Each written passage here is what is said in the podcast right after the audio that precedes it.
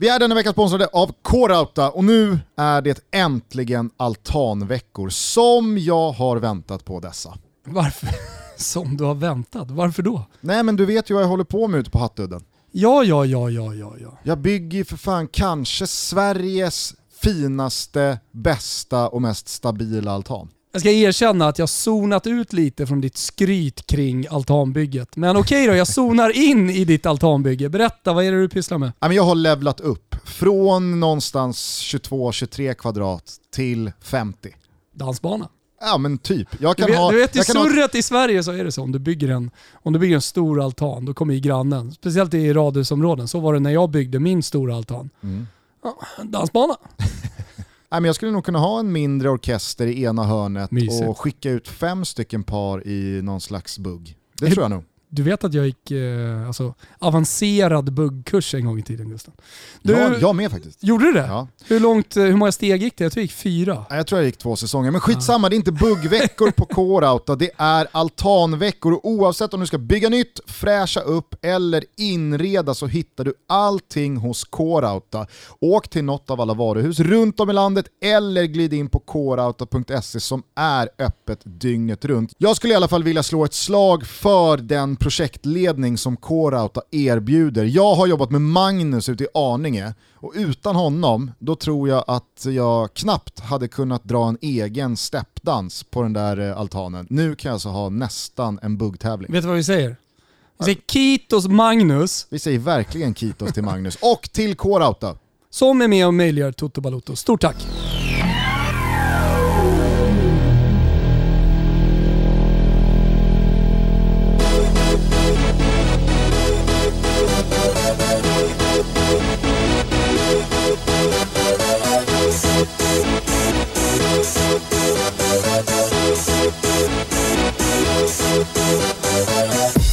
For this?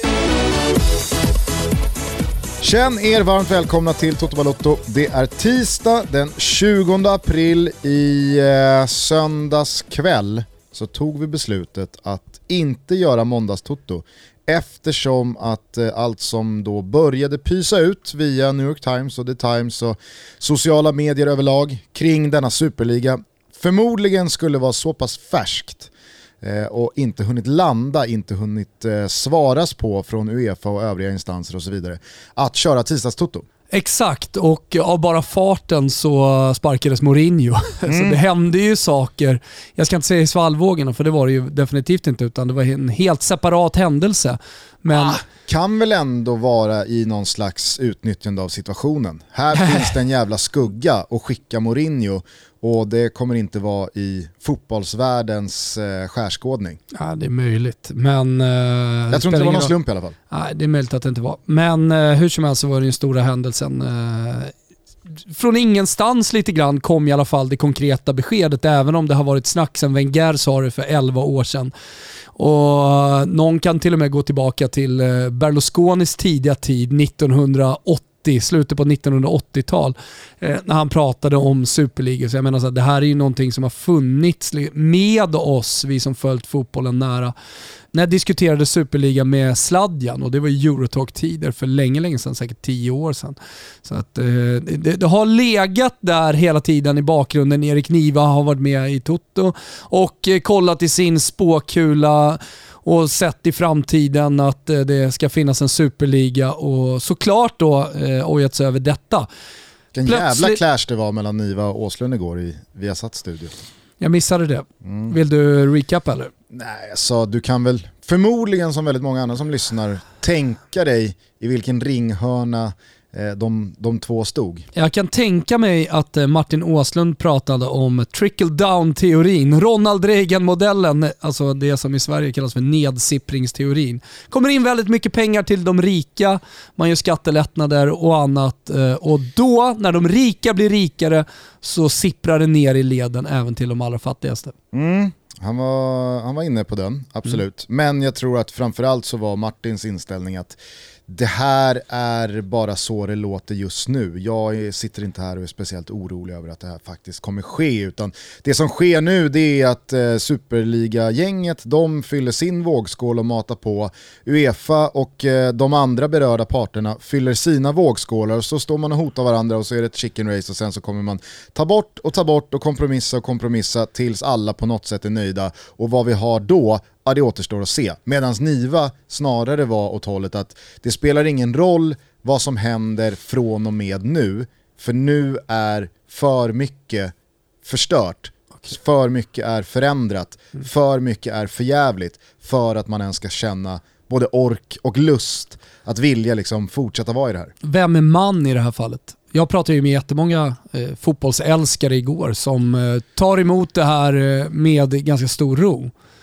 Ja okej, okay. eh, jag tror att Nej, men så man... alla, är inte, alla, är, alla lever inte i fotbollen på det sättet som en ultrasupporter gör. Eller eh, som, eh, vad ska jag säga, Erik Niva, eller du eller jag gör. Eh, det vill säga att vi konsumerar väldigt mycket, både matcher men för all del också eh, allting som händer runt fotbollen och är inne i den bubblan på ett sätt som eh, 95% av alla fotbollsintresserade inte är. Det, det, det jag menar är att man måste sätta det här i något slags historiskt perspektiv när man Eh, tycker jag i alla fall, när, när man analyserar läget. Eh, alltså det, det, fanns, det fanns eh, en tid då kulan var i luften och man kastade gubbkepsarna Eh, i just luften eh, när det blev mål. Och sen så kom eh, den stora, tycker jag, den största revolutionen i, i fotbollen, den största förändringen i fotbollen i slutet på 60-talet när när protesterna på piazzorna 1968 letade sig hela vägen in i fotbollen och ultrasrörelsen bildades och växte sig stor och stark. Det tycker jag liksom var det största som har hänt eh, för, för, fotbollen. Sen det som har hänt de senaste åren eh, tror jag inget, ingen kan påverka för att utveckling kan vi aldrig stoppa. Och sen som det är utveckling utifrån att världen ser ut på ett visst sätt kulturellt, politiskt eller rent av tekniskt. För det som har hänt, det som har varit eh, en, den största revolutionen, om vi bortser från fotbollen de senaste 20 åren, är den största förändringen i världen de senaste 20 åren, så är det ju den tekniska revolutionen. Jag kommer ihåg när jag stod eh, i Kurva Fiesole, en av de första ramserna som jag lärde mig var Non ne possiamo più delle divise blu, no al calcio moderno, no alla pay TV. Det var alltså tidigt 2000-tal. Vi pallar inte mer poliser, modern fotboll och pay, pay TV. Uh, och, och det, det, här var, som jag sagt, det, det, var 2003. Dit var fotbollen på väg. Där protesterade ultrasupporterna emot den utvecklingen man såg. Sen flyttar man fram positionen hela tiden och man kan inte hindra det som händer runt om oss och då får fotbollen på något sätt åka med. Och därför, det jag vill komma till är att 95% av fotbollssupporterna sitter fortfarande och tittar på fotboll via TVn eller via skärmar. Och det är där den stora kraften finns, finns. Det är där pengarna finns. Man klickar hem sin tröja på nätet. Man ser sina matcher eh, via pay-tv. Och, och det, det, det, vi läser väldigt mycket åsikter om, alltså det Erik Niva också kommer ifrån, det är ju en, eh, en, en ganska liten del av de som följer fotbollen. Sen så tycker jag att det är en god kraft och det, den, den ska finnas. Det måste finnas en motståndskraft. För att det här är skit. Nu, kommer jag inte, nu är jag inte ute efter en egen åsikt om superligan, utan jag försöker bara sätta det i, i något slags perspektiv. Mm. Eh, och eh, jag skulle bara avsluta med det att Niva själv sa ju självransakande i studion igår att eh, jag är nog mindre representativ för den stora fotbollsvärldens genomsnittliga konsument än vad jag kanske själv tror.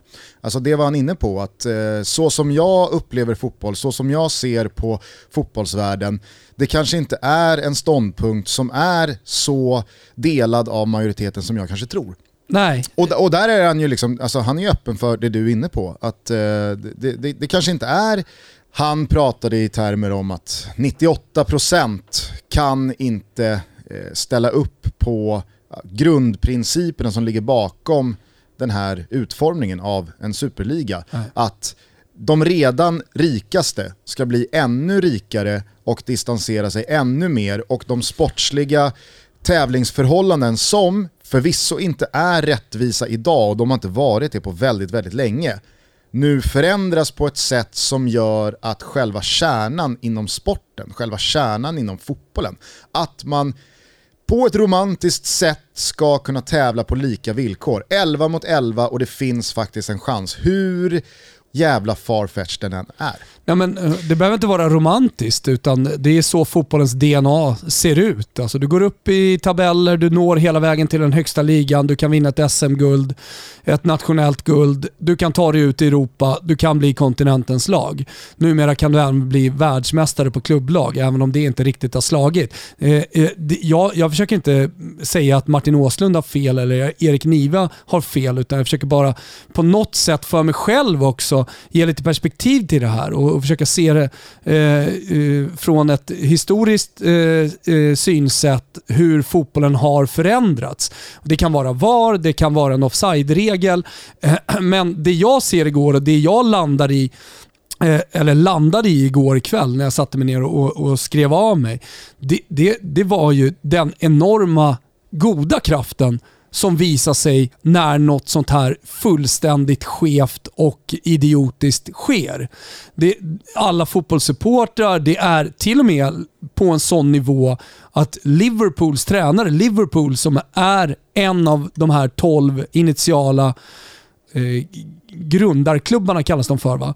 Eh, när deras tränare till och med ställer sig upp och säger sig vara emot det här och eh, sträcker sig ganska långt och är, och är tycker jag i alla fall, väldigt motvalls mot vad man kanske får vara om man är anställd i en klubb som faktiskt har valt att gå, gå den här vägen. Jag, jag menar bara att det, det, det jag landar i är någon slags ljus.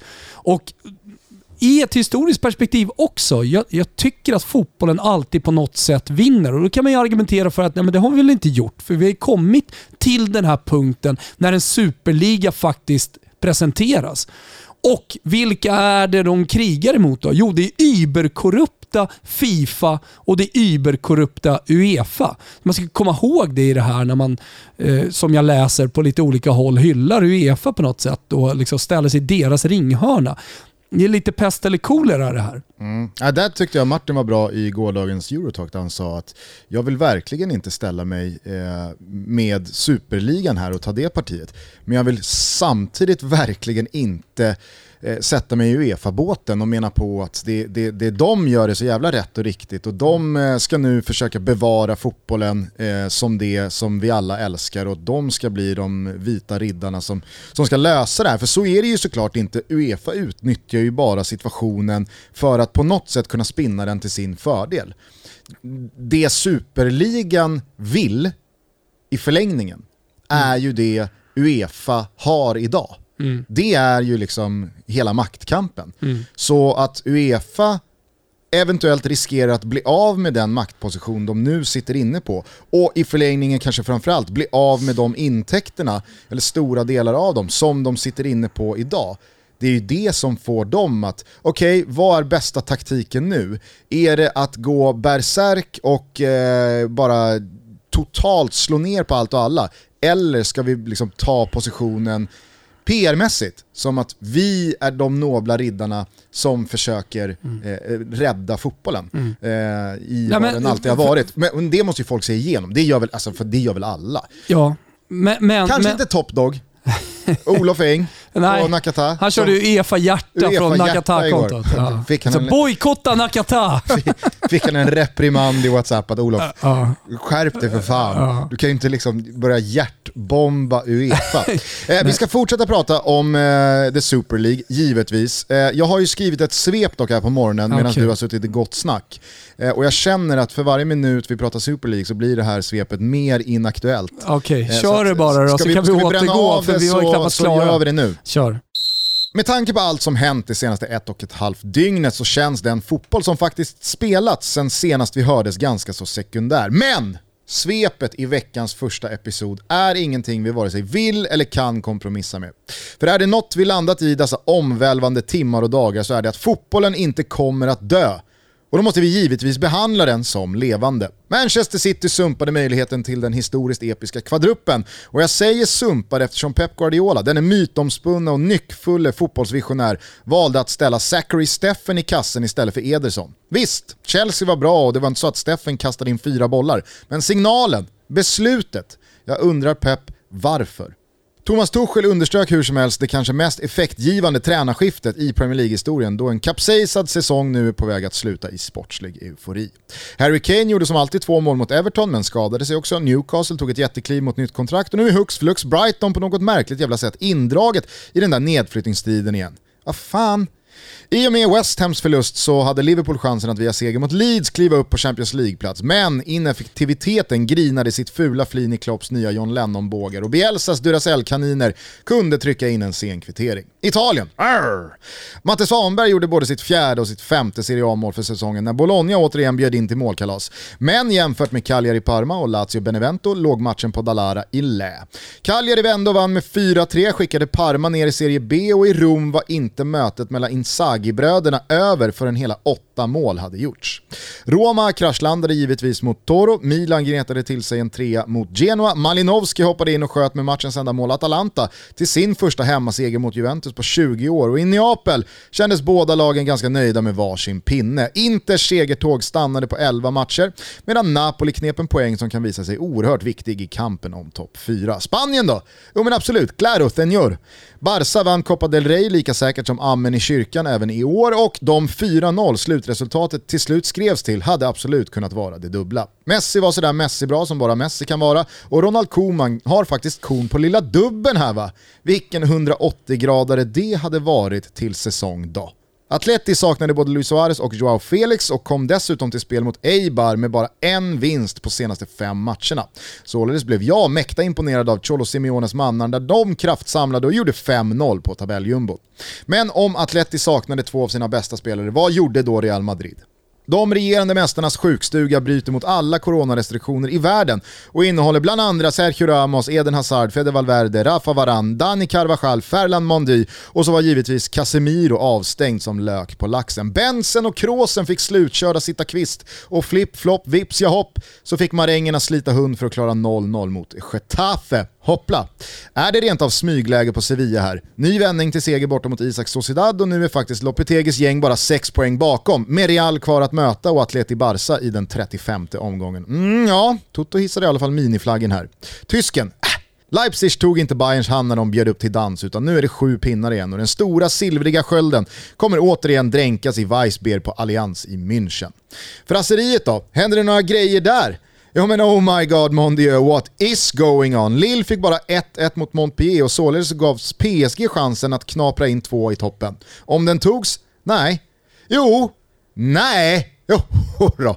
Häng med nu. I den 78 minuten gjorde Saint-Étienne 0-1. Kylian Mbappé kvitterade i den 79 och vände på steken i den 87 bara för att Saint-Étienne återigen skulle kvittera i den 92 Men då klev han fram. “Sometimes when people say you're an idiot it's better to stay quiet than to open your mouth and remove all doubt.” Puckot Mauro Icardi nickade in 3-2 i den 94 och det gick att ta på ligatiteltörsten i de för dagen lila-rosa parisarna. Monaco och Lyon segrade också, så nu har vi en ren och skär kvartett där uppe på 67, 68, 69 och 70 poäng som ska tävla om de sista 15. Kul! Här hemma då? Allsvenskan är i full blom och jag kan redan efter två omgångar konstatera följande. Man borde fått 1,70 på SM-guld till Malmö. Häcken är redan 6 poäng efter toppen och redan nu så känns det som att guldtåget lämnat hissingen. Diffen är inte glamorös eller vackra, men de är tunga och de är effektiva. I toppen för att stanna tror jag. Degen, jag säger inget nu så har jag inget sagt. Bayern är på banan, Ludvigsson kanske den oömmaste anfallare jag sett sen Henke Bertilssons dagar och Amo, den lilla säkerhetsboxen, han ser ut att bli catching för de grönvita. Blåvitt Gnaget, äh, men så fint det ändå var, trots mitt underspel på kolbenet. Att se Kolbein Siktorsson sänka sina gamla lagkamrater och IFK Göteborg, ja men de tycker jag faktiskt imponerade med sin stabilitet. Det är som vi tidigare varit inne på inte någon fotboll av framtiden eller nöjesindustrin som Rolle Nilsson står för, men håller man nollan och vinner matcher så tror jag ganska många runt änglarna är ganska jäkla nöjda. Marek Hamsik gjorde sin debut och den som vill vrida och vända på det inhoppet till någon slags uppvisning får fan kämpa länge. Han såg precis så machotränad ut som han är och det var som han själv sa efter matchen, viktigt att bara få några minuter. Det kommer, det kommer. Kalma! Jag tänkte på Amo där. Är han inte Magic Box? Du sa säkerhetsboxen. Är han inte eh, Sola? Jo, nu när du säger det, absolut. Mm. Eh, men eh, The Magic Box som alltså Gianfranco Sola kallades, det är då, eh, är, det liksom den här lådan trollkarlar använder? Som är helt kvadratisk? Ja, som man kan då plocka ur olika tricks ur. Ja, jag fattar. Mm. Jag tänker på den där säkerhetsboxen som finns i garderoben på hotellrum. Den är lite mer avlång. Alltså den är, den är ju sällan helt kvadratisk. Ja, men det är ju me me metaforiskt så ja, är väl The Magic Box bättre. Ja, mm. ja jag pudlar. Okay. The Magic Box Amo. Jävla pigg han ser ut. Ja, han ser otroligt pigg ut. Eh, jag har varit eh, stekhet eh, och väldigt optimistisk kring honom redan från försäsongen i, all, i olika WhatsApp-grupper. Har du sett klart nu igen? Ja, jag har sett ganska klart. Jag tänkte på det när vi pratade om det som hände igår och Super League så tycker jag mig se ganska klart där också. Alltså jag tycker att, tycker att det ser ganska ljust ut för fotbollen. I och med att eh, det är så jävla mäktigt eh, att se supportrarna gå samlat och gå samlade och enade emot den här superligan. Alltså det någonstans måste ju vara kraften som i slutändan vinner. Mm. Alltså är det någonting som den äkta fotbollen, den genuina fotbollen, supportrarna är det någonting de har lyckats med så är det ju någonstans att vinna hela tiden. Att det är de som står kvar på kortsidorna, det är de som står kvar och sjunger. Så när jag tittar i min spåkula, och det är det som gör mig lite optimistisk och lite, lite glad. Alltså jag tänker inte kapitulera. De är inte redo att kapitulera. Det är säkert några som slutar att kolla på fotboll nu. Precis som det var när eh, supporterpasset eh, infördes. Precis som det var när villkorstrappan kom och någon fick en batong i, i bakhuvudet och kände att nej, det här är inte för mig. Precis som det var på tidigt 2000-tal när Pay-TV blev en stor del av fotbollen, tog över fotbollen. Nej, men det, det är så här, det är alltid säger, folk som kommer... Pay-TV? Jag vet inte för att jag har det i huvudet. Förstå vad jag säger. Betal-TV. Eh, nej men är du med? Det finns mm. alltid de som kommer kapitulera och, och, vi kommer bli någon fotbollssupporter fattigare. Frågan är bara, vad är det för supportrar som växer upp? Är det de som kommer kolla pay-tv? Eller föds det fortfarande ultrasupportrar? Föds det fortfarande genuina goda fotbollssupportrar som ställer sig i kurvorna, drar en bengal och sjunger att någons morsa är en hora. Alltså är du med på vad jag menar? Kommer, alltså, kommer ultrasrörelsen att leva vidare? Svaret på den frågan är ja. Men vi kommer också få leva i en värld där den kommersiella fotbollen, där eh, kapitalismen på något sätt också regerar. Så man får, man får helt enkelt, precis som det alltid har varit egentligen, leva vid sidan av varandra. Mm. För fotbollen är så pass stor. Det är världens största eh, sport och det är, en, det är en drivkraft för många, det är en kärlek, det är en passion, men den måste fortsätta och jag ser en jävla massa ljus i allt det här mörkret. Det var det jag ville ha sagt innan du, eh, innan du gick på svepet. Så nu har, jag, nu har jag sagt det bara Gusten. Ja, vad bra. Eh, jag tänker, eftersom Toto Balutto är Sveriges största fotbollspodd, det dessutom är en inkluderande podd, att vi kanske bara ska ta allting basic från början så att alla känner att eh, de förstår vad det är som har hänt. Okay. För några gånger här senaste dygnet när jag har scrollat igenom Twitter och diverse kommentarsfält och så vidare så kan jag ibland reagera på folks inspel och kommentarer har inte riktigt fattat vad det är som händer här. Nej. Eh, eh, så att, eh, vi, vi, tar det från början. I söndags eftermiddag så började det sippra ut då från diverse olika stora tidningsartiklar att 12 av de största klubbarna i Europa, och det här gäller alltså Juventus, Milan, Inter, Atletico Madrid, Barcelona och Real Madrid, the big six i England, de behöver jag väl inte Nej. namnge. Nej. Alla vet vilka det är. Jag gör det ändå. Manchester United, City, Liverpool, Chelsea, Tottenham och Arsenal. Dessa 12 hade då skrivit under ett letter of intent och det är ju inte liksom att eh, tatuera sig, att skriva någonting i bläck, att hugga någonting i sten. Det var väl det som Sverige föll på i sin OS-ansökan va? Eh, nere i eh, Milano. Föll väl på ganska mycket va? Ja, men det, alltså, de körde ju ABBA och Foppa satt väl i solbriller och, ja, ja. och såg lite internationell ut. Men framförallt så... Sverige, föll... skulle, eh, Sverige skulle ställa upp på ett spektakel, men blev alldeles för svenska. Ja, men någon IOK-tant sjöng väl ABBA uppe på scen och man kände att det här kommer inte gå. And as my favorite song goes, you can dance, you can jive, Having the time of your life. Ooh, oh, oh. Well, you know the words. Men framförallt så hade ju liksom den svenska, vad är det man alltid kallar det när det är, eh, eh, när det är de där sammanhangen? Då är det inte en grupp utan det är en, skitsamma. Då hade i alla fall det liksom svenska band som hade satts ihop för att lösa den här OS-platsen. De hade ju bara åkt ner till Italien med ett letter of intent. Inte liksom klappat och klart som givetvis kroaterna hade. Ja det är klart. Mm. Det är klart att det blir av Italien och Kroatien i någon eh, rumba. Det spelar ingen roll hur mycket Sicilien som region ställer sig ja. emot eh, att skattepengar ska gå till att eh, arrangera OS. Det spelar ingen roll vad ni säger där nere. Men Sverige satt och bara viftade med ett letter of intent och menade på att jo men alltså det här är ett beslut som är klubbat. Det är mm. bara att vi i vår administrativa process, vi kan inte klubba igenom det förrän vi faktiskt fått OS. Så ni får helt enkelt ta vårt ord på att vi har på fötterna här. Men det rökte de på. Det är lite som den svenska coronastrategin. Alltså vi, vi vill stänga affärer, vi vill sätta in hårdare åtgärder, men vi kan inte. Nej. För att det går helt enkelt inte. För systemet säger emot. Så är det. Dessa 12 klubbar har då i alla fall för avsikt att lämna de kuppturneringar som Uefa huserar, men spela kvar i sina respektive ligor för att starta The Super League. Dessa 12 ska adderas med ytterligare tre klubbar. Väldigt mycket gör ju gällande att de tre då är PSG, Bayern München och Borussia Dortmund. Och så ska de här 15 klubbarna vara då blood in, blood out. De kommer aldrig lämna The Super League. klubbarna. Men till, till varje säsong så ska då fem ytterligare klubbar komma in på sportsliga grunder använda koefficienter som jag misstänker då hämtas från typ Uefas turneringar. Att nu får ni spela en tror, säsong jag, jag, jag, jag, tror att det är mer, man går mer på magkänsla där. De här är våra polare.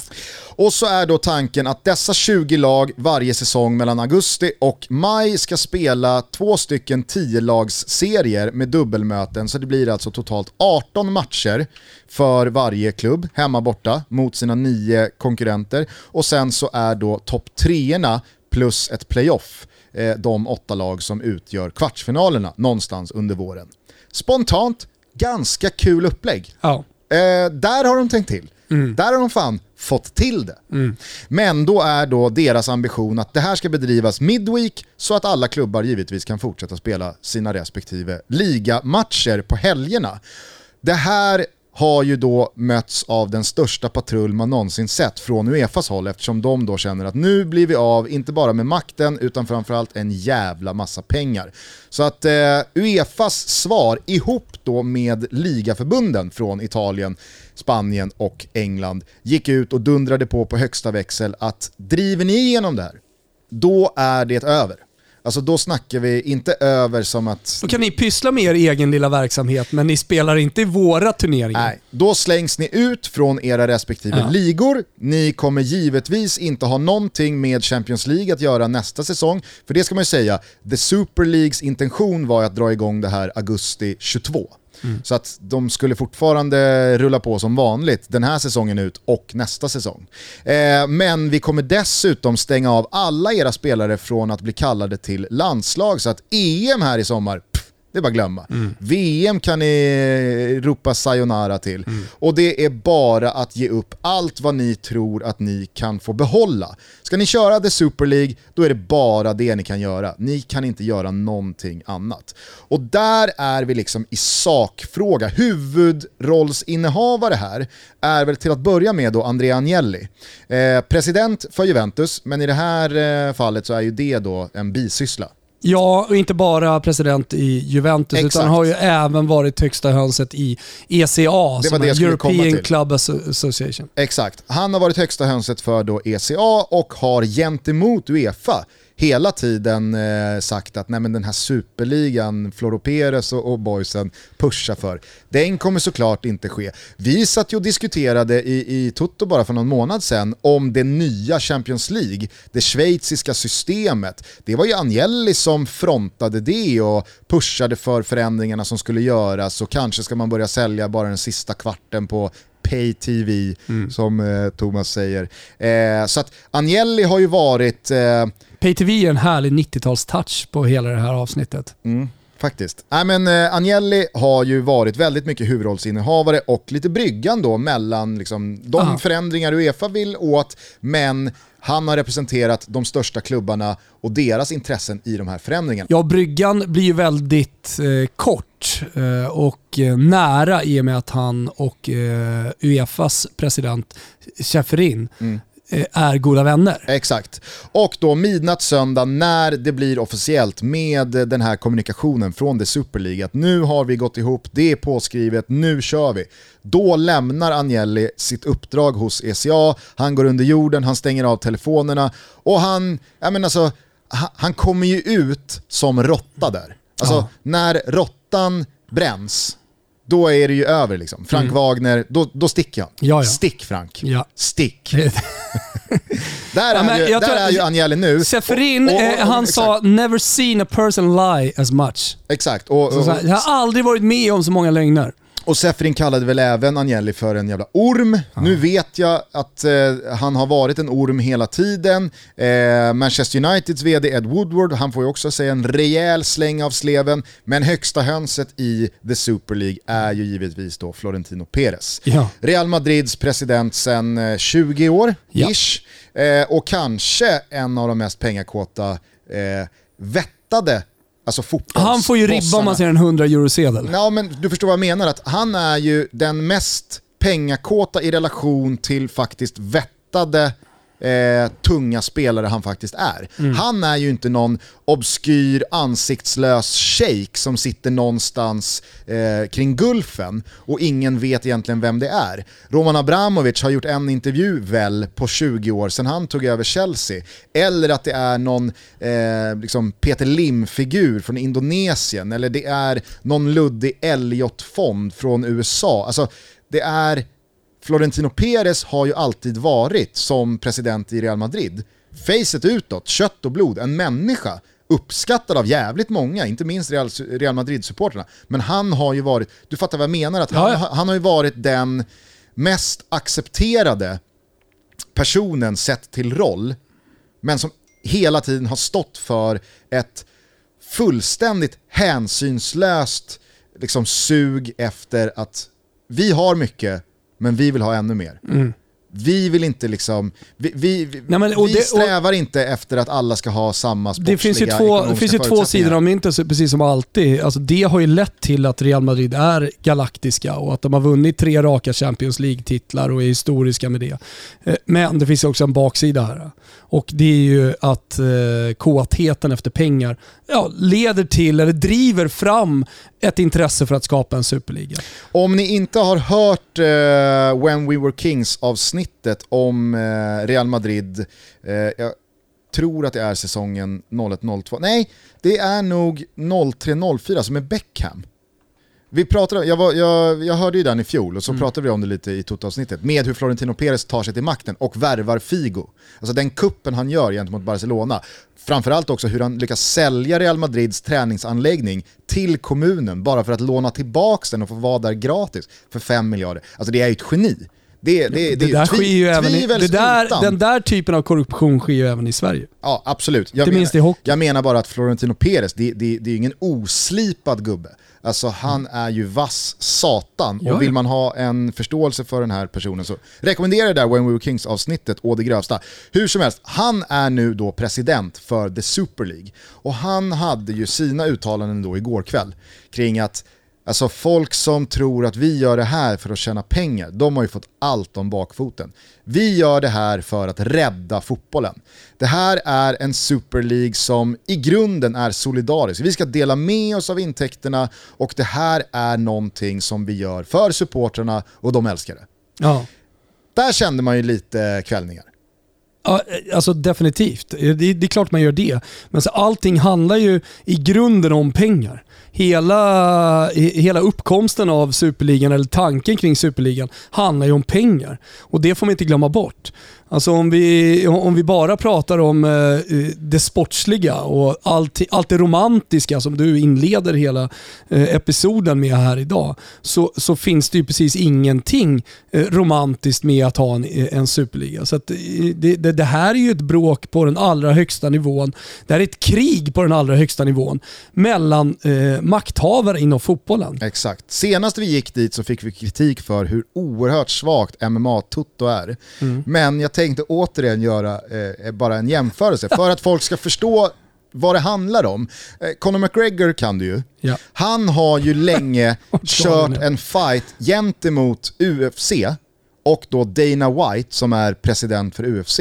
Att jag slutar, jag kommer inte, jag, jag kommer inte gå några mer matcher förrän jag får en plats vid bordet, förrän jag får en bit av kakan. För det är ju mig ni tjänar pengar på. Mm. Och det tänker inte jag ställa upp på längre. Så att den fighten pågick ju, jag vet inte, så, här, ja. så svagt är MMA ja. Jag vet inte vart de, jag vet inte vart de står idag. Eller har han slutat MMA? Har han slutat så gör han snart comeback. Om han fortfarande ångar på så vet jag inte om han till slut fick en plats vid det där bordet eller hur de löste sig. Men det minns jag väldigt tydligt var Conor McGregors ståndpunkt. Att jag kommer inte gå en match förrän jag får en plats vid bordet, förrän jag får den rättmätiga del av kakan jag förtjänar. Och det är ju det, nu är det här, låt oss kalla dem då G12, mm. som kanske blir G15 då. Det är ju det de gör mot Uefa här. Det är ju oss som ni tjänar alla er miljarders miljarder på vad gäller tv-intäkter. Det är ni som skor er på oss och våran verksamhet. Mm. Och får inte vi då den del av kakan som vi tycker att vi har rätt till. För att utan oss, ja men då får ni, då får ni försöka polera West Ham via Real. Så ska vi se vad, vad folk är beredda att betala i sin pay-tv för att titta på den matchen kontra Real Madrid mot Juventus. Det är väl klart att de har ju ett case som är konkret, att det är ju de här klubbarna som driver mest intresse, och inte bara i Europa, utan herregud, flytta till Indien, Kina, Afrika. Inte en jävel bryr sig om Fiorentina, Villarreal, West Ham och Mönchengladbach. Där är det de största drakarna och det spelar ingen roll då att Arsenal för tillfället ligger 11 i Premier League-tabellen. Mm. Det är Arsenal. Och det spelar ingen roll ifall Milan genomgår ett par svåra år. Det är Milan jämfört då med Napoli till exempel. Men ett liknande krig som det vi ser här nu, om vi ska stanna inom fotbollen, vi behöver inte ens gå till MMA. Det är ju de nationella krigen mellan mindre klubbar och större klubbar som framförallt var stort på 00-talet. När man skulle fördela tv-rättigheter inom landet. Där gick ju England i bräschen med kollektiva tv-avtal och där eh, den, den stora kakan fördelades relativt jämnt mellan Premier League-klubbarna. Där i Spanien, Real Madrid och Barcelona, jag vet inte hur det ser ut fortfarande, eh, tog eh, 80-90% av alla pengar så fick eh, resten av klubbarna dela på eh, smulorna som blev kvar. I Italien så försökte de stora klubbarna mm. att spänna musklerna. Men det landar i någon slags mellanting mellan Spanien och England. Kollektiva tv-avtalen, ja, en, stor, en större del av pengarna gick till de randiga storklubbarna. Man, eh, eh när, när man skulle räkna ut hur mycket varje klubb var värd så tittade man på sportliga, sportsliga prestationer. Man gjorde undersökningar, eh, flera stycken oberoende varandra, eh, hur många supportrar det fanns i landet. Det var en del som vägdes in när pengarna till slut skulle fördelas. Eh, och De sportsliga resultaten gick tillbaka historiskt och de var också färska. Det fanns en fördelning där som man kan tycka var hyfsat rättvis, även om jag är en förespråkare för den engelska eh, modellen som jag tycker har liksom landat bra och är den mest rättvisa. I det här fallet så tycker ju inte eh, Los Galacticos och eh, de stora Premier League-klubbarna och de randiga nordlagen i Italien att pengarna fördelas eh, rätt. Utan de vill ha en större del av kakan. De vill ha ett större inflytande på också hur Champions League eller hur en internationell toppserie eh, ska se ut. Jag måste faktiskt säga att jag tycker att Sverige har fått till det där jävligt bra med det nya tv-avtalet. Hur ser det ut? Nej men det baseras på dina slutplaceringar de senaste fem åren. Ja, det, är en, det, det, ska jag säga, det är en del av fem eller sex i den italienska modellen. Mm. Ja, men så att Sverige har ju liksom att om du gör en riktigt dålig säsong, mm. den kommer hänga med i fem år. Och, och, är det bara det den baseras på? Du tycker jag det är fel. För jag tycker till exempel att eh, Malmö FF som har väldigt många mer supportrar än Mjällby ska få mer pengar för det är fler som kollar på deras matcher. Ja. Alltså det borde ju verkligen vara, eh, en del av det borde ju sannoliken vara då de faktiska tittarsiffrorna. Hur fördelas intresset kring de här klubbarna? Mm. Men jag tycker att det är bra på ett sätt att man kan via sportslig framgång nå bättre avtal tv-mässigt. Ja. Alltså, Getafe, ja, jag tycker att det är bra att det är en del. Ja, Getafe till exempel gjorde ju en jättefin säsong, även året innan, i fjol. Men det Sen kanske man ska skilja på jo, men... de internationella rättigheterna, det vill säga de som säljs till utlandet och de nationella rättigheterna. Att vi ändå hamnar här i Getafes Nej men, liksom, jag, jag menar såhär, Getafe, Getafe är det ju väldigt få i Sverige som tittar på, men Real Madrid och Barcelona har höga tittarsiffror. Absolut, jag menar bara att Getafes sportsliga framgång borde kunna påverka tv-avtalsintäkten så pass mycket att Getafe ges chansen att bli ännu lite bättre och ännu lite bättre och ännu lite bättre och 15 år senare kanske Getafe har varit så pass bra så pass länge att fler också tittar på Getafe. Mm. Så att man, man alltså, jag, jag håller med dig, man ska kunna man ska kunna påverka intäktssidan av hur faktiskt många eller få som tittar idag men jag är också för att man sportsligt ska kunna påverka intäktssidan från tv-avtal. För att det måste klubbar kunna, liksom, de, måste kunna få den chansen. Alltså man kan inte bara hitta på ett intresse. Det, det går ju inte. Intresset och en follow och en support, eh, det kommer ju från sportsliga framgångar. Och sportsliga framgångar kommer väldigt mycket av idag från intäktssidan. Vi är denna vecka sponsrade av Samsung TV och här Gusten har vi ett område som vi verkligen är stora experter på. Okej, kanske inte på varenda tekniska detalj, men vad det gäller upplevelsen, alltså det man får ut av att kolla på TV, så har vi en otrolig erfarenhet. Innan second screen ens fanns som ord så satt jag med trippla TV-apparater bredvid varandra. Och då börjar man ju faktiskt jämföra. Då börjar man bli kräsen. Och vet du Gugge? Då landar man alltid hos Samsung. Mm. Vi kanske ska förtydliga hur viktig tvn har blivit för oss som fotbollsälskare de senaste åren och ytterligare under det senaste året när live-fotboll inte ens varit möjligt. Och här skulle jag verkligen vilja rikta ett litet tack till Samsung som gör fotbollsupplevelsen så mycket bättre när man sitter här i soffan. Mm, tack också för att ni har en tv för alla. Du vet, jag har kontoret med kontorets behov, jag har en öppen planlösning hemma som kräver mycket, dels för ljusinsläpp, dels för att soffan står långt från tv-väggen, men också design. Man vill ha liksom en snygg tv i ett sällskapsrum. Samsung har en tv-apparat för alla personer, alla rum och alla behov. En Samsung-tv är liksom mer än en tv. Balla funktioner och design i fokus. Du vill ha exempel? Känn på det här va, roterande skärm, 130 tum projektorbild, nästintill osynliga kablar, slimmade ramar och 360-tv. Va? Samsungs tv-utbud är brett och möjligheterna snudd på oändliga. Du går in på tv.samsung.se för att hitta just din Samsung-TV. Vi säger tack för alla tv-upplevelser och vi säger tack Samsung för att ni är med och möjliggör Toto Balotto. Tack.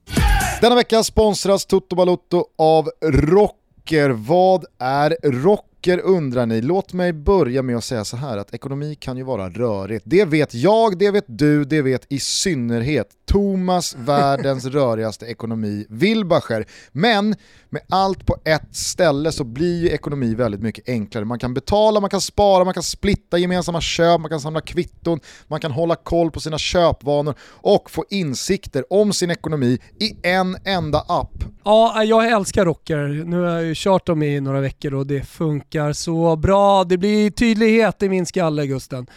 Och det är viktigt att påpeka att man inte behöver byta bank. Alltså man lägger till Rocker ovanpå sin eh, nuvarande ekonomi och så får man bättre kontroll på helheten. Och så vill jag tipsa om en av tjänsterna i Rocker som jag tycker är jävligt härlig. Och det är det här att man kan splitta köp mellan vänner. Eh, du och jag, och Kimpa och Danne igår till exempel. Vi låter appen sköta insamlingen av pengar och sen så skickar den påminnelser. Så när min swish inte hade kommit till dig igår Gusten, ja då kommer den lilla påminnelsen på morgonen att här ska det samlas in en femhunka för det vi gjorde igår. Amen. Så att eh, det är bara en av alla delar i Rocker-appen som gör ekonomin enklare. Jag ville höja den lite extra idag. Rocker utmanar storbankerna med enklare och smartare finansiella tjänster, så ladda ner Rocker-appen idag. Vi säger stort tack för ett betalt samarbete, Rocker. Stort tack! Eh, det vi eh, då pratar om är ju det läget som är idag då, tisdag, att Uefa, eh, de, de försöker spela White Knights här eh, och menar på att de minsann är försvarare av den nobla romantiska fotbollen så som den alltid har varit. Du och jag och väldigt många andra fattar ju givetvis att Uefa, om de hade fått bestämma så hade ju liksom, då hade de, eh, egentligen så är väl Champions League deras The Super League. De har en rättighet som eh, drar in mer eh, pengar än någon annan fotbollsrättighet och Uefa tar merparten av de pengarna.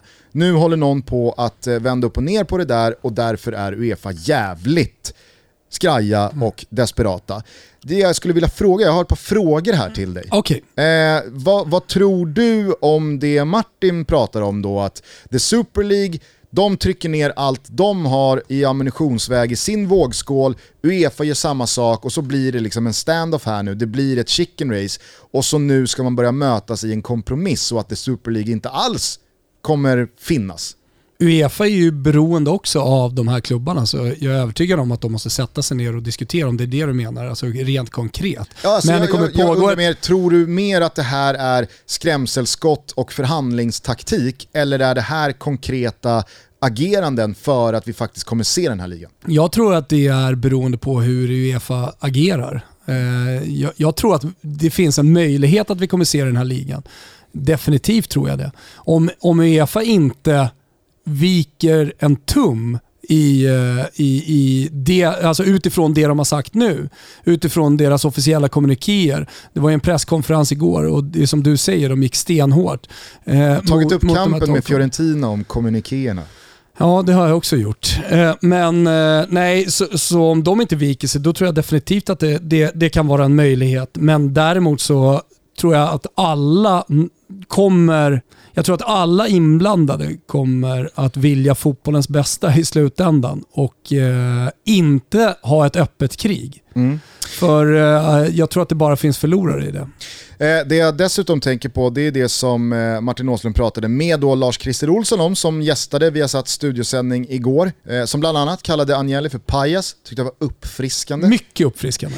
Och Lars-Christer Olsson är ju då i, i de här Jag tror att sammanhangen... advokaten också säger pajas från graven. Ja. Men I de här sammanhangen så är ju Lars-Christer Olsson då, han är ordförande för European Leagues, alltså Uefas instans för de olika ligorna i Europa som lyder under Uefa. Eh, avgående förvisso var han väldigt tydlig med att påpeka när Jennifer Kücükaslan välkomnade in honom i, i, i programmet. Okej. Det var en märklig rättning kan jag säga. Eh, hur som helst, eh, då, eh, jag, jag ska säga direkt att det lät mellan raderna, eller mellan orden på Lars Christer som att EM, även fast Uefa har gått ut här stenhårt och sagt att "Nej, men då stänger vi av alla de här spelarna från sommarens EM. På Lars Christer så tyckte jag ändå att man kunde läsa in att sommarens EM, det är liksom för, för nära i tid för att det ska bli så pass konkret att de faktiskt driver igenom någon slags avstängning av alla de här spelarna. För det om något är ju för Uefa att skjuta sig själv och mästerskapet i foten. Ja. Alltså stryk alla spelare som är kontrakterade av de här 12 klubbarna. Vad har vi kvar för EM då? Mm. Nej, men, eh, Ja, det är, man- du, man vad måste- händer man i Finland? Ja, nej, men man måste komma ihåg det. Och Pucke vinner jag, skytteligan. tror jag, jag, försökte, jag tror att jag försökte komma dit, men kom aldrig riktigt dit. Att det finns ju väldigt, väldigt många som skiter i ett krig mellan Uefa och Superligan som bara vill se Real Madrid-Tottenham. Det finns extremt många fotbollssupportrar eh, och fotbollsälskare runt om i världen som ger blanka fan i det här kriget, som eh, inte skulle lyssna på den här episoden, utan bara vill liksom se de här matcherna. Och eh, alla de miljonerna får man ju då emot sig om, om, om, man, eh, om man faktiskt eh, utför det man har sagt. Så eh, där tror jag ändå att Uefa har tillräckligt mycket koll att man, att man i, i något slags skarpt läge backar. Martin lyfter ju hur som helst gentemot Lars Christer eh, den juridiska aspekten. Vad har Uefa faktiskt för juridiska möjligheter att gå in och stänga av spelare från landslagssammanhang? Vad har man för juridiska möjligheter att kasta ut, tillsammans då med ligaorganisationerna, eh, de här största klubbarna från sina respektive ligor när tv-avtal är sålda för hur många miljarder som helst. Alltså, ta bara Nent, alltså eh, Viasat då, som har köpt och förlängt Premier League eh, med 5-6 år ytterligare. Premier League utan Manchesterlagen, Liverpool, Arsenal, Tottenham och Chelsea. Vad är det för liga? Simor har precis köpt Champions League. Alltså de tar över Champions League efter sommaren. Va- vad är det för Champions League de har köpt om de här 12 klubbarna eller Ja. 15 klubbarna försvinner? Alltså någon konsumentombudsman måste ju ringas här och, och, och konsulteras. För det är ju också en aspekt Men vad är som... svaret då? Jag vet inte, men jag tycker att när man liksom pratar i termer av ja men det är bara att stänga av dem, eh, vi steker Champions League-semifinalerna redan nästa Också vecka. ett jävla och vi sätt att kommunicera på att vi gör vad fan vi vill. Vi bara stänger av bäst fan vi vill. Ja men det, det är ju så jävla mycket mer komplext än så. Alltså, det, Ja. det, allting, allting hade liksom imploderat om Uefa driver igenom sina hot, om de verkställer dem.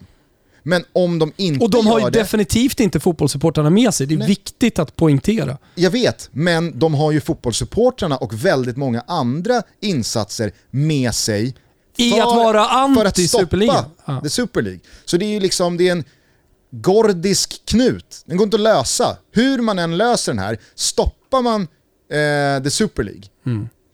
Och jag menar att det inte finns någon lösning på den här knuten, för jag tror inte, och det tycker jag den här letter of intent och det som nu händer, för nu är det ju mer konkret än någonsin tidigare. Det här är så många tusen procent mer på riktigt än vad snacket Wenger eh, puttrade ur sig för 11-12 år sedan och det Florentino Perez har pratat om. Det jag eh, och Sladjan diskuterade i det Eurotalk. du och Sladjan diskuterade i Eurotalk för tio år sedan, alltså det har, ju, det har ju mer varit ord, det har mer varit liksom intentioner, någon gång kommer vi hamna här och det här vill vi göra för att kunna förbättra vår intäktssida och så vidare. Nu är ju det här på riktigt och det gör att jag tror inte att de här 12, snart 15 klubbarna kommer nöja sig med att, nej men vi skojade bara, vi drar tillbaka allting, okej vi Nej. fortsätter spela Serie A, Premier League, La Liga, Du Bundesliga och pratade ju Liga 1. precis om vem Florentino Perez är. Exakt, exakt. Kommer han vika sig? Kommer Agnelli vika sig? Den enda lösningen på den här knuten hade varit ifall Uefa lyckas stänga ner det Super League. Så vi glömmer det här grabbar. Och alla Vi går- jävla vi går- vi- vi går jänkarägare vidare. som de har i grunden här också. de är JP Morgan har väl redan eh, bankat allting från sitt håll. Mm. De sätter ju inte sitt namn på den här eh, seglatsen om de tror att den kommer kapsejsa. Nej. Det är omöjligt. Eh, så att jag, jag, jag ser det som omöjligt att G12 eller G15 kommer backa och säga okej vi viker oss. Kan vi snälla få lite bättre villkor på det existerande Champions League Mm. så kör vi på. Jag ser inte det hända. Nej. Har du fler frågor? Ja, ehm, du har säkert, precis som väldigt många andra, eh, hört eh, Gary Neville eh, prata om det här. Vi kan lyssna. it's difficult not to get emotional and feel sick. But honestly, you've got a right to your MPs, you've got to, your local football clubs, you've got a right. Everybody's got to come behind this.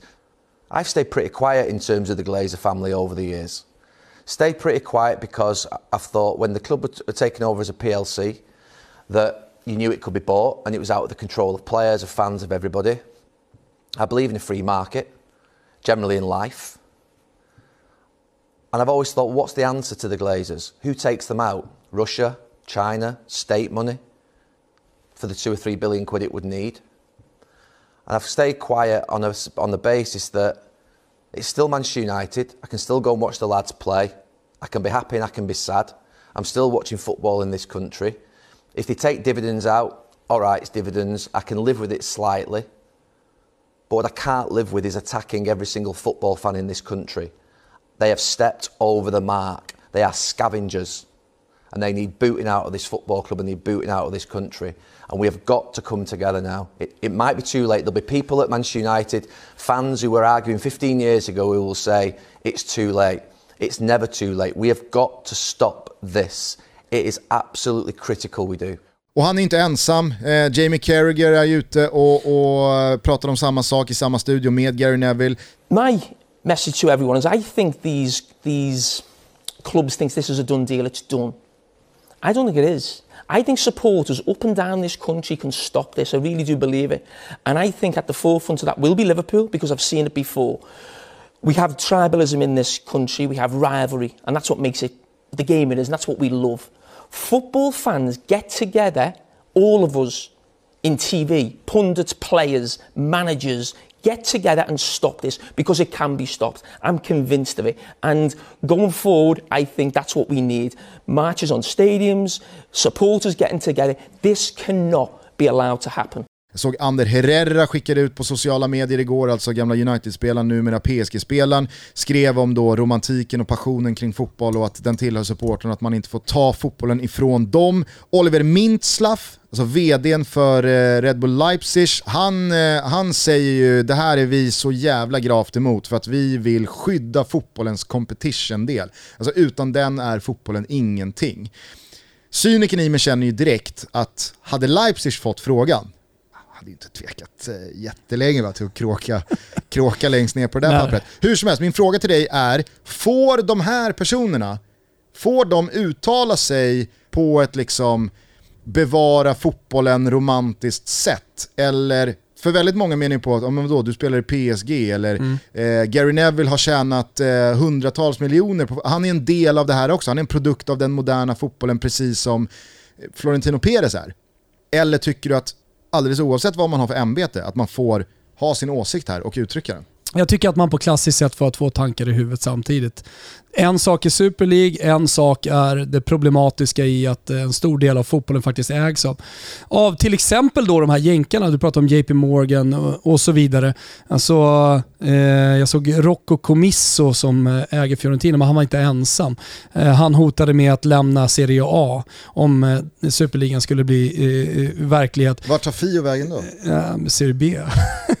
inte mig emot. Alltså, jag är ju fotbollsromantiker. Jag åker gärna ner eh, i, eh, eh, i en serie och, och kuskar runt även om det inte skulle vara möjligt. Eh, Men i teorin så gör jag verkligen det. Eh, Men, jag, men, jag menar bara på att eh, alltså, anledningen till att Superligan eh, kan bli av och att det här letter of intent finns och att det börjar bli konkret. Det, det är ju eh, för att ägarstrukturen i, i fotbollsklubbarna ser ut som de gör. Och vad är deras intentions i det här? Eh, varför äger de fotbollsklubbar? Det är någonting som vi diskuterar ständigt. Varför, varför ägs eh, fotbollsklubbar av Qatar? Och varför vill affärsmän och eh, fonder, som i Milans fall, in och, eh, och, och äga en fotbollsklubb? Varför vill Avramovic in i fotbollen? Ja, men det faktum att vi har släppt in de här krafterna och den här makten som de faktiskt har nu, tillåtit det i fotbollen, det har ju då lett till att man till exempel får en superliga. Mm. Eh, vad tror du händer nu då i den... Men man, man kan ju definitivt säga att man är emot det, men, men jag tror att man som källkritisk fotbollssupporter Eh, ska ha det i bakhuvudet när man läser deras ord. Till exempel som Florentino Perez. Eh, jag tänkte väldigt mycket på den här nedsippringsteorin när jag hörde hans ord om att, jo men vadå, om vi blir rikare kan vi köpa spelare från mindre spanska klubbar som då blir ännu rikare och kan bedriva, alltså, det, allt snack är bara massa jävla bullshit om pengar egentligen, men det köps ju av väldigt många supportrar ändå. Mm. Alltså, är, han säger här, if we have more money it will be better for everyone because we will be able to sign players from smaller clubs for a lot of money Ja, and help them too. Ja. Ja, men det där, och, och på tal om vad Florentino Perez säger och, eh, och inte säger, så såg jag att det var många som frågade mig på sociala medier igår i och med att jag har haft några ranter om turister i Champions League. Och kanske tror att jag ska sitta här och förespråka Superligan. Nej, inte den här utformningen, inte på det här sättet. Inte på ett sätt där man faktiskt eh, försöker knäcka hela fotbollens DNA, det vill säga att man på sportsliga grunder kan ta sig till en eh, högre serie eller till en europeisk eh, högre aktad eh, cup. Alltså man måste kunna ta sig dit på sportsliga grunder, inte på grund av pengar. Där måste man särskilja vad jag liksom tycker om turister i Champions League och en superliga. Jag tycker fortfarande att Champions League borde göras om. Jag har inte riktigt landat i det schweiziska systemet som André Agnelli gifte sig med. Men Och sen skilde sig. men, ja, och sen skilde sig eh, en smutsig skilsmässa. Men jag tycker att Champions League borde göras om. Precis som jag sa då säger jag nu också. Jag vet inte exakt hur Champions League kommer se ut. I så fall hade jag kanske haft en annan position i fotbollsvärlden. Just men, nu vet men, väl ingen det. Men, men jag, jag, jag, jag har väl tankar om att den där schweiziska modellen ser betydligt bättre ut än eh, den nuvarande modellen med turister. I gruppspelet. Och jag kan, jag kan väl tycka lite att eh, det börjar i åttondelsfinalerna. Nu sträcker sig Florentino Perez så långt som att eh, det, det börjar i kvartsfinalerna. Men, eh, men där tycker jag han har en, en liten poäng. Florentino Perez sa utöver tidigare citat även “This is not a league for rich, it's a league for saving football. It's a league for solidarity. Ren Let's bullshit. start to tell things in this way.” Bullshit. Ja, det där är ju så mycket bullshit någonting bara kan bli. Det jag däremot skulle då fråga dig var, vad tror du sker här nu i den absoluta närtiden? För det ska vi komma ihåg, tre av dessa fyra klubbar eh, är ju i semifinal i Champions League med start nästa vecka. Det fjärde laget är PSG som alla väl eh, förstår är en, en, en bricka i det här spelet också. Ja. Eh, vad, vad, liksom, vad händer där? Ja, alltså det skulle nog kunna bli så att de eh, utesluter de lagen. Alltså just för att spela det här spelet vidare ett litet tag till. Sätta hårt mot hårt. För det blir, blir inte speciellt kraftfullt om man säger att man ska göra en sak, sen bara några dagar senare så backar man från det. Eh, men det skulle i så fall vara att man pudlar lite från båda hållen eh, och att man hittar eh, Eh, ett sätt att faktiskt diskutera det här. Alltså man hittar ett bord att sätta sig runt allihopa. Eh, och att det fortfarande är hård ton. Att Seferin fortfarande har sagt upp bekantskapen med André Agnelli, men vi måste faktiskt kunna diskutera eh, skilsmässopapperna. Eh, Vad är det man har? Man har ett äktenskapsförord. Man ska kunna diskutera detaljerna i det här och se hur den här skilsmässan ska gå till. Men, men eh, att man faktiskt backar ifrån det. Eventuellt skulle det kunna hända. Jag, jag, jag vet inte. Men blir inte svaret på vart allting barkar åt ifall Real Madrid mot Chelsea sparkas igång på tisdag kväll? Eller inte? Alltså känns det inte som Ja, att ja, ja, om, sex, det om sex dagar så ska liksom visslan för den första semifinalen mellan Real och Chelsea ljuda 21.00 svensk tid på tisdag. Gör den det, alltså då, då kan jag inte tänka mig Att Super League blir av. Super League blir av. Ja. Men om Uefa istället säger som Felix Herngren gör i Solsidan när han och Ove Sundberg eh, ska, ska låna grejer av han. Men jag blåser av. Vedklyven, kan jag låna den tror du? Nej, Ve- eh, Ove, vet du vad? Eh, du har cirkelsågen, du har gasolvärmaren, du ska ha middag, du ska såga. Ska du klyva ved också? Det kan inte du hinna. men du skulle också ha gäster sa du, så att... Men jag blåser av middagen ikväll. Blåser av den. Rent hus. Jag har hela kvällen på mig att klyva ved. Eh, alltså då så känns det som att då, då, då är det no turning back. Ah, No turning back eh, skriver jag inte under på. Däremot så kommer kriget att fortsätta. Och eh, det kommer vara liksom frontlinje mot frontlinje eh, ett tag till. För jag tror att man förr eller senare ändå kommer sätta sig runt det där runda bordet. Och var är det där runda bordet undrar du Gustav? Jo men det är ju i Nyon. Det är klart att det Den är här neon. märkliga lilla schweiziska Eh, jag, har, pärla. jag har en annan eh, tagg i mig som jag inte Åh, kommer fan! ifrån eh, när jag hör Florentino Perez och andra prata kring vad som är så jävla positivt med den här The Super League. Det är att en av de absolut största drivkrafterna verkar vara att plisa en generation som inte bryr sig om fotboll. Och kunna få dem att bli intresserade av fotboll. Varför har man det som kompass?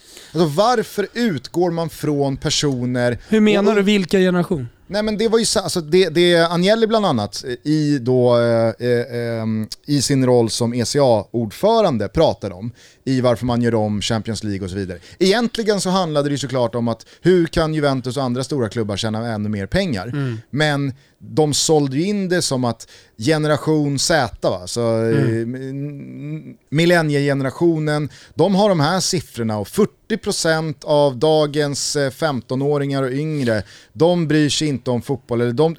Nähä, okej. Då är det väl så. Ja, men gör fotbollen för de som, som bryr sig om fotboll då. Utforma förbättringar och förändringar i, inom fotbollen för de som faktiskt står på läktaren, som sitter och tittar på tvn, som engagerar sig i den här sporten. Varför ska man låta miljoner 13-åringar på TikTok som skiter fullständigt i fotbollen i Europa. Varför ska man låta dem överhuvudtaget vara en del av diskussionen? Men Florentino Perez, han pratade ju igår om att Ja, men det här är, liksom, det här är, det är en av de största och viktigaste faktorerna för varför The Super League ens eh, kommer till. Det är för att vi ska, vi ska få de här ungdomarna som inte tycker det är kul med fotboll att tycka det är kul med fotboll. Skit i dem!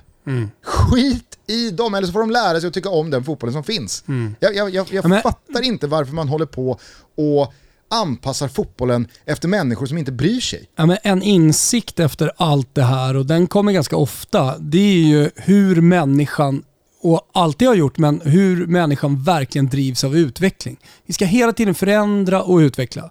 Vi kan aldrig bara förvalta. Nej. Utan det finns alltid personer, och det, det är ju säkert till 90% positivt. Men, men vi kan inte bara vara nöjda, utan vi ska hela tiden framåt och det kommer man inte kunna ändra på. Nej, men- så att men- men fotbollen håll kommer om- hela tiden förändras. Men det är inte gubbkepsar och kulor i luften. Håll med om att det finns något så jävla provocerande i att man, alltså, det hade varit en sak om Florentino Perez står och hänvisar till att Mm. 88% av alla som följer den europeiska fotbollen, de, de vill det här. Ja, men Ja, men vad ska man säga då? Men när man hänvisar till massa jävla 14-åringar Mm. som inte ens vet att de blir hänvisade till, för de skiter fullständigt i både Florentino Perez och den europeiska fotbollen. När, när de ska bli eh, en maktfaktor, vad fan, vad är det som händer? Mm.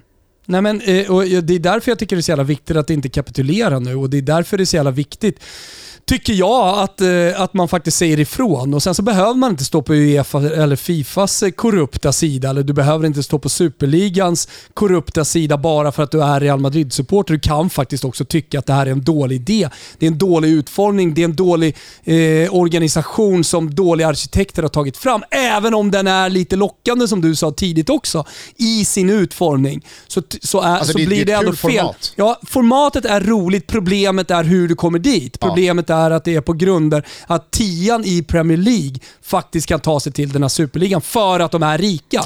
Det är det som är det problematiska. Eller det, stö- det största problemet ska jag säga i alla fall i det här, för mig. Och sen så får folk se andra problem i det här också. Men, men jag tycker att det någonstans är grunden, för då går man in och försöker förändra DNA. Och jag vill bara vara tydlig med att i mitt lilla uppande av själva formatet Mm. The Super League så väger jag då alltså inte in att det inte finns en trappa ner. Eller en trappa upp. Alltså det stängda formatet, det är så fel någonting kan bli. Det går emot allt vad ja, men, idrott och fotboll så som jag känner det är för någonting.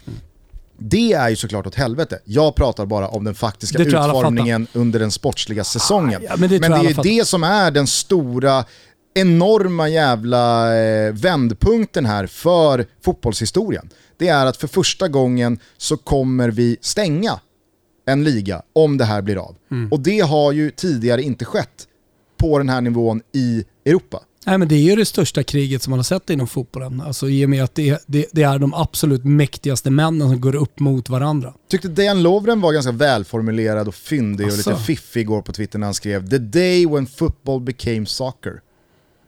Ja. ja, det var lite fyndigt i och med att det liknar väldigt mycket. Sen ska jag säga att jag har sett många som har haft invändningar emot att ja, nu ska vi bli som, som äh, jänkarna och vi ska ha låsta ligor. Att det faktiskt finns eh, eh, möjligheter att flyttas upp och flyttas ner och att det är en annan, en annan kultur. Inte, inte annan kultur, men, men eh, det, det, det, det är ett mer fair sätt på det. Går, det går inte bara att säga nu gör vi som jänkarna, för vi gör inte som jänkarna. Det här är, det här är på ett annat sätt. Superligan är på ett annat sätt. Absolut, I sin men- egen lilla verksamhet. Absolut, men 30 lag i NHL, det är ju samma lag år ut och år in. Nu kom väl Golden Knights Lik från förbannat. Las Vegas här för några år sedan, men du fattar vad jag menar. Mm. Ur den aspekten så är ju det som Lovren påtalar Ja. ganska så spot on. För det här blir ju första gången 15 lag ingår i en liga och de riskerar bara att ha en tung säsong. Mm. De får en ny chans nästa år. Det, det, är liksom, det kommer bara snurra. Det kommer bara snurra vidare. Och, och det går emot allt vad jag vill att fotboll ska vara. Även fast möjligheterna för Leicester att vinna Premier League är mikroskopiska. Även fast möjligheterna för Trelleborg att ta sig ut i Europa är mikroskopiska. Även fast Östersund kan, vet jag att man irriterar folk som tar Östersund som eh, exempel, när det har På fifflats. tal om eh, korruption. Exakt. På lokal nivå, men ändå. Exakt. Alltså, när det finns möjligheter för små lag att gå upp genom eh, divisionerna, ta sig hela vägen upp och ute på plan med 11 spelare mot 11 motståndare, åstadkomma någonting. Alltså det, det är ju i grund och botten Ja, vad men fan jag tror att det, om. det, den poängen har vi verkligen tagit här och, och ja, att det är fotbollens DNA. Och det tror jag att de, de flesta i alla fall är med på. Eh, men eh, på tal om liksom, eh, välformulerat och starkt såg jag att Bruno Fernandes var ute på sin Instagram-story och, och, och, och, var lite mer fotbollsromantisk ska jag säga. Mm. Dreams can't be buy. Då var det England ett tag. Men vi fattar vad du menar Bruno Ferma- Vi Fernandes. fattar precis. Ja. På tal om välformulerat, eh, jag skulle vilja dela ut en eh, schnitzel fan. till Patrick Bamford. Eh, Jag eh, kollade Leeds. Leeds hade igår. körning igår, både på sitt officiella Twitterkonto rent fysiskt. Välkomnade ju Liverpool med eh, orkester. Så spelade Abbas Money Money Money. Värmde upp i tröjor med eh, Champions League-loggan och eh, stora texten “Earn it”. Och sen så twittrade eh, de ut, ja, Ja, de, eh, de, de twittrade ju att de, eh, Patrick Bamford hade kvitterat mot Merseyside Reds. Ja. Alltså de bytte namn på Liverpool. Exakt, Eh, Superliga-laget Merseyside Reds. precis. Tyckte jag var, var, var skarpt gjort av dem. Ja, eh, hur som helst så säger Bamford i eftermatchen-intervjun så här. “It's amazing the amount of uproar when somebody's pocket is being hurt. It's a shame that this doesn't happen with issues like racism.” Tyckte det var otroligt, Otroligt otroligt spot on i det här att liksom, okej, nu är det pengar i gungning. Förvisso stora pengar, jävligt stora pengar, förändrande pengar, fotbollsomskrivande pengar. Men det är fortfarande pengar. Alltså, Alltså det- att, det var att, han då, att han då bara säger så här, tänk, tänk om ens en tiondel Av all den här kraften, av all den här kraften energin. som kommer när liksom rasismen visar sitt fula tryne. Tänk om den hade visat sig då. Och, alltså det var starkt sagt, det var sjukt bra sagt, men jag vill ändå landa i liksom det starkaste. Bruno Fernandes. Dreams can't be buy. Ja, det kanske faktiskt är starkare. Hur som helst, jag tyckte att det var jävligt eh, bra sagt av Bamford. En kväll som denna, när då eh, Sky Sport i Italien, eh, det här är då någon pandit som heter De Grandis. Kan du honom? Eh, vänta, ta om det där. Säg De Grandis. Det är någon pandit i Sky Sport-studion i Italien som heter De Grandis. Jag vet inte vem det är. Du har koll? Ja, ja, absolut. Han var ju en av de första eh, journalisterna, sportjournalisterna som eh, gifte sig med pay-tv. Aha, okej. Han var tidig in. En av de första pionjärerna i, i pay-tv. Vill du höra honom eh, prata lite om eh, Lukaku? Jaha. e quel signore abbronzato vicino a te, insomma devo dire che eh, il, il nero dell'Inter è fortissimo in progressione. Ja, han, eh, han säger den solbrända spelaren i, i eh, Inter eh, och sen säger han den, den svarta spelaren i Il Nero, eh, Giocatore dell'Inter. Han nämner honom inte. Det är som att jag skulle säga, ja den svarta spelaren i Hammarby, eh, eh, han solbrända killen ute på Ja, kanten. när vi pratar om Amo. Ja, bara så här helt, här. eh, helt eh, Vi, vi skippar lätt och ledigt. eh, Det är det här. Man, man Vi- vi hör att det är så han för- pratar. Vi kallar honom bara för... Det är nedvärderande kan jag säga som, som kan italienska. Det där är extremt. Det är sjukt. Nej, det är så jävla... När kommer det ifrån? Igår. Är det sant? Ja, visst. Nej, det är... Uff! Det där jävla landet ändå. Man ska tycka om det så mycket. Så mycket skit. där, Att man ska alltså. tycka är om det så vackert mycket. ju. Det är vackert. Och ändå så är det så jävla, Så jävla gott, pissigt ibland. gott vin och god mat. Ja, så att eh, gulasch till eh, De Grandis. Herregud. Schnitzel fan. till Sa han det där Bamford. igår? Ja, och Caramello Dict-stipendiet då till Bruno Fernandes. Jajamensan. Eh, Dreams can't be buy. Känner du att du har någonting angående The Super League som du vill få av bröstet innan vi börjar runda av? Nej, eh, jävla härligt att se eh, kraften i fotbollen. Härligt att se fotbollssupportrarna. Fan vad jag längtar till när supportrarna nu släpps in på arenorna. Alla budskapsbanderoller, sångerna som man har hört i Allsvenskan Gusten.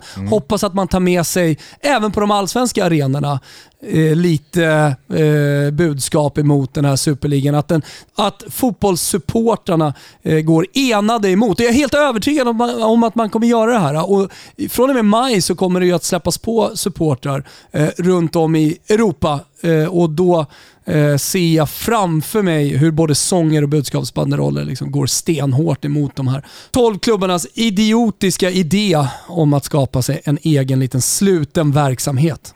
Jag eh, känner att vi eh, garanterat eh, lär prata om det här igen när vi hörs nästa gång. Så att vi behöver liksom inte tömma oss på saker som eh, Saker kommer hända. Du har ju redan nämnt det. Fan, ni ska spela semifinaler i Champions League på tisdag nästa vecka. Vi har ett EM som stundar. Eh, vi har en pandemi som härjar. Absolut, jag menar bara att det här kommer ju prägla väldigt mycket av både fotbollen och i förlängningen då Toto Balutto den närmsta tiden. Så att eh, det är nog ganska klokt i att eh, bara sätta punkt för det av idag.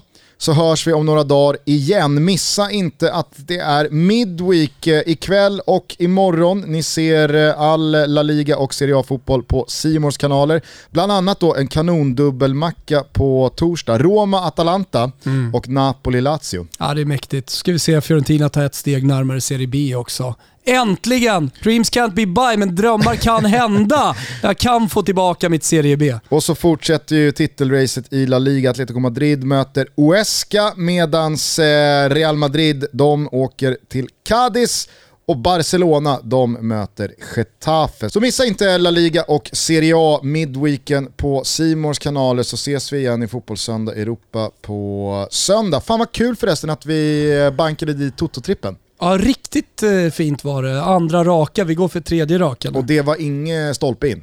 Det var det inte. Det var Alltså, vi hade ju, ingen snack alltså. Precis som vi sa efter att helt ha gått bort oss eh, veckan innan första Toto-trippen satt här eh, av de här två raka. Eh, men men eh, vi, vi gör, fan gör jobbet ordentligt här nu. Jag ska fan ringa upp Sonnert och Olen och hela gänget. Jag ska hitta en så jävla bra trippel till helgen. Vi skakar fram en förhoppningsvis hattrick-vinnande Toto-trippel. The Super League-soppan går vidare. Dreams can't be by och Midweek hela veckan lång tills vi hörs igen. Ska vi bara avsluta med att konstatera att José Mourinho är sparkad av Tottenham. Det. Och att eh, Pavlidis hade i eh, morgonens headlines eh, återgett någon tidning som hade räknat ihop att i avgångsvederlag så har Mourinho skakat ihop 77 miljoner pund nu i karriären. Nästan en miljard va? Det är nästan en miljard. Det är faktiskt helt Det är vansinnigt. otroligt. Men man vet ju att han sitter på en tränarbänk i Italien snart. Hoppas... Om Fiorentina skulle klara sig, inte helt omöjligt att han eh, landar i Fiorentina. Ja, ja, hörni, eh, ni fattar ju själva att eh, när The Super League krita på ett sånt här letter of intent, då blir det väldigt mycket Super League i Toto. Hoppas ni i alla fall fick med er någonting från det extremt matiga svepet. Ja, vill man... Ja, fan. Jag tyckte det var bra. Alltså så här, det blir en bra mix för att allting som händer just nu är så kopplat till Super League. Men vi fick även helgen för de som har missat det i den här eh, soppan, eh, kärret, eh, trögflytande jävla fidgeten som vi försöker ta oss igenom. Eh, jag ska bara säga det att man, vill man ha ytterligare eh, från Super League och det som händer, känslor, reaktioner, så kan man gå in på totobaloto.se. Där ligger flera texter. Ja, både måste krönikor säga, och... jävla bra krönika du hade skrivit på temat. Ja, Den var, det var, det, det var, Någon tyckte att jag var motvalls bara för att jag liksom inte eh, valde att se mörkret. Att inte jag, läste, ju- nej, men jag, jag, jag läste ju väldigt många igår som sa att nej, men nu slänger jag min, min eh, Liverpool-tröja. Nu, nu, det, det här var dödsstöten, jag lägger ner mitt supporterskap. Eh, samtidigt så såg jag det, jag såg alla andra reaktioner. Eh, jag såg Gary Neville liksom stå och tala rätt ut till nationen. Och att alla var, alla var ju liksom enade igår. Eh, om inte alla så i alla fall 98% var enade att det här är bara skit. Kviborg skrev väl på Twitter att eh, om fem år spelas Champions League-finalen i Qatar mellan bla bla bla Ja. bla bla bla. Ja. Nej, men, Och då eh, svarade jag bara, och vi, vi hänger med. Ja, det kanske är, kanske är så. Nej, men det, det, jag, jag, jag, det var mina känslor. Alla får sina känslor. Alla får bränna upp sina tröjor hur, hur, tröjor hur jävla mycket de vill. Men det var i alla fall mina känslor kring det här. Och det, det, den känslan är fortfarande stark ska jag säga så här på tisdagen. Och den kommer nog dominera hos mig även fortsatt. Och eh, Jag vet inte hur, hur mycket man vill lyssna på mig, men jag har trots allt varit med ett tag. Och eh, Jag har sett en del stora förändringar inom fotbollen och jag ser att eh, den eh, vackraste delen av supporterskapet fortfarande har mycket kraft och mycket makt att faktiskt stå emot all skit som händer. Så därför ser jag ljus på framtiden för fotbollen. Vi hörs snart igen, ta hand om varandra. Ciao tutti! Ciao tutti!